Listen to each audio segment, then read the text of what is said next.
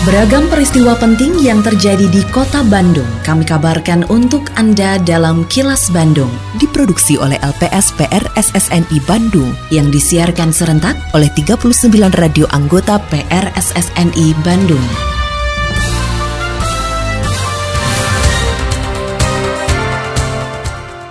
Sejumlah informasi aktual kami hadirkan untuk Anda dan inilah informasi utamanya. Dinas Perhubungan awasi titik kemacetan menjelang buka puasa. DPRD imbau warga kota Bandung ikutkan anaknya diimunisasi polio. Tarif PDAM turun, kota Bandung alami deflasi. Saya, Santika Sari Sumantri, inilah kilas Bandung selengkapnya.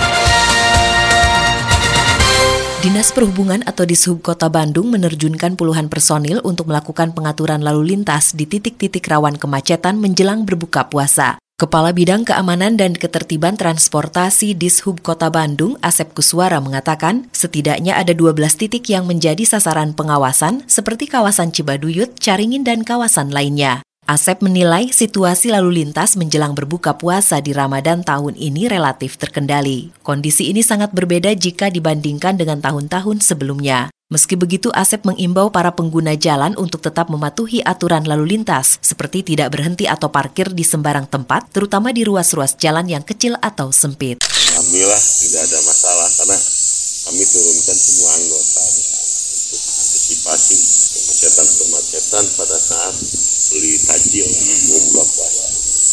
Sekarang mah alhamdulillah bisa terkendali.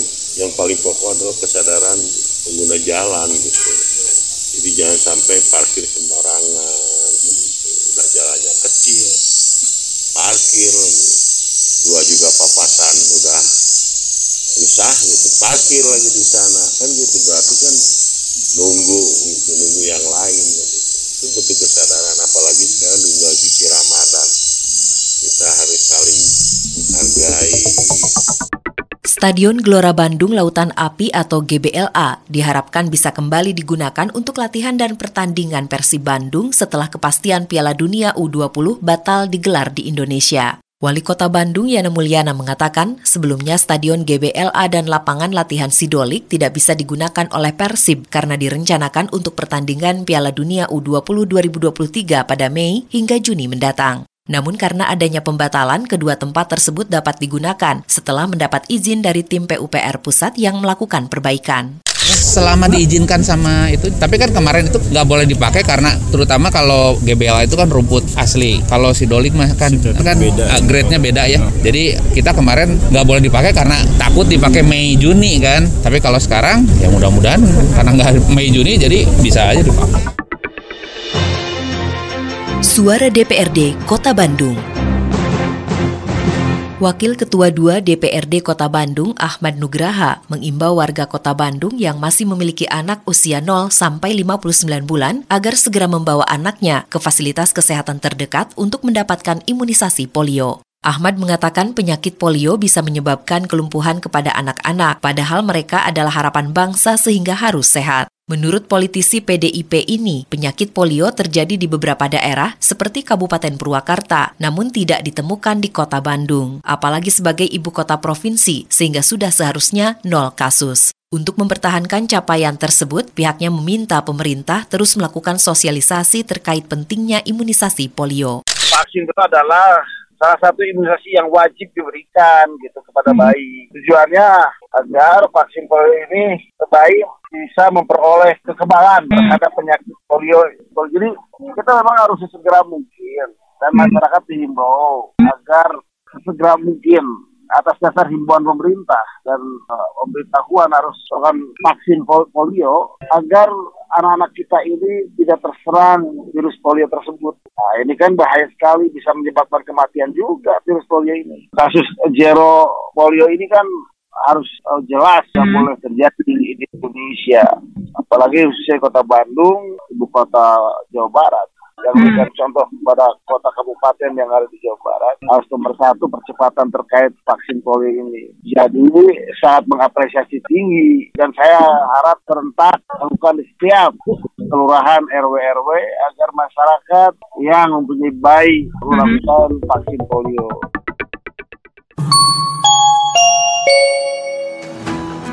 Halo pengguna jalan yang dermawan. Tidak memberi di jalan bukan berarti kita tidak peduli loh. Pilihan tempat donasi yang tidak tepat akan memiliki konsekuensi serta dampak negatif bagi anak jalanan, pengemis, gelandangan, pengamen, dan sejenisnya Salurkan donasi dan kepedulian kita untuk memotivasi agar mereka tidak berada di jalanan Nasib dan masa depan mereka terdampak dari cara dan pilihan para dermawan dalam memilih tempat, ruang, dan waktu di saat memberikan donasi Hati-hati di jalan ya. Semoga niat baik kita semua disertai tanggung jawab moral dan memiliki kebermanfaatan. Pesan ini dipersembahkan oleh Dinas Sosial Kota Bandung. Kini, audio podcast siaran Kilas Bandung dan berbagai informasi menarik lainnya bisa Anda akses di laman kilasbandungnews.com. Pemerintah pusat memberikan apresiasi kepada Kota Bandung karena mencatatkan deflasi terendah di Indonesia. Badan Pusat Statistik atau BPS mencatat Kota Bandung pada Maret 2023 mengalami deflasi 1,50 persen, yang merupakan nilai di bawah nol terdalam di Indonesia. Sedangkan laju inflasi tahun kalender Kota Bandung tercatat 0,87 persen dan tingkat inflasi tahun ke tahun tercatat sebesar 5,00 persen. Kepala BPS Jawa Barat Marsudiono mengatakan komoditas yang menjadi penyumbang deflasi di kota Bandung adalah turunnya tarif air minum PDAM sebanyak minus 1,72 persen, cabai merah minus 0,01 persen, dan bawang merah minus 0,01 persen. Sebelumnya kota Bandung mencatat inflasi yang cukup tinggi di angka 7,50 persen. Namun dengan berbagai program pengendalian inflasi yang digulirkan, pemerintah kota Bandung berhasil mengendalikan tingkat inflasi. Kondisi penurunan itu diakibatkan dengan penurunannya PDAM di kota Bandung. Ini berdampak kepada juga berdasarkan kelompok. Penurunan minus 1,55 yang mempunyai andil minus 0,33. Ini cukup dominan untuk mempengaruhi angka secara umum, khususnya di kota Bandung. Walaupun di beberapa kota mengalami kenaikan, tetapi kenaikannya tidak signifikan, jadi pengaruhnya tidak begitu besar. Kalau lihat dari tujuh kota penyumbang inflasi, khususnya di Provinsi Jawa Barat, di sana ada kota Bogor, Sukabumi, Bandung, Cirebon, Bekasi, Depok, dan Tasikmalaya. Jadi inflasi terendah didominasi di kota Bandung. Biasanya kota Bandung itu mempunyai inflasi yang sangat tinggi, tapi dengan adanya penurunan PDAM, posisinya tingkat deflasi yang sangat baik. Disiplin para aparatur sipil negara atau ASN di lingkungan pemerintah Kota Bandung akan terus ditingkatkan demi mencapai pelayanan dan kinerja yang baik. Kepala Bidang Penilaian Kinerja Aparatur dan Penghargaan BKPSDM Kota Bandung, Wawan, mengatakan, salah satu upaya yang dilakukan untuk meningkatkan disiplin ASN adalah kembali menggelar apel pagi yang sempat terhenti akibat pandemi COVID-19.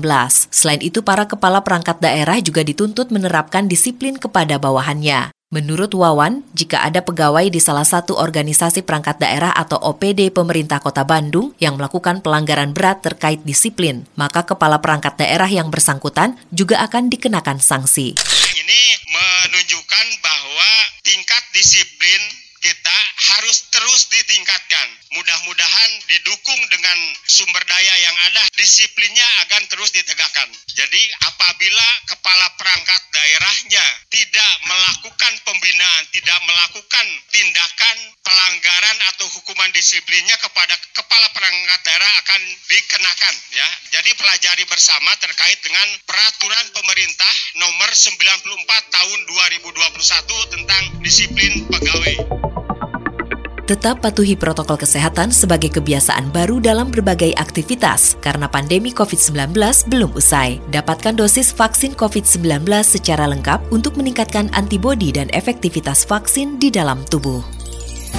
Terima kasih Anda telah menyimak kilas Bandung yang diproduksi oleh LPSPR SSNI Bandung.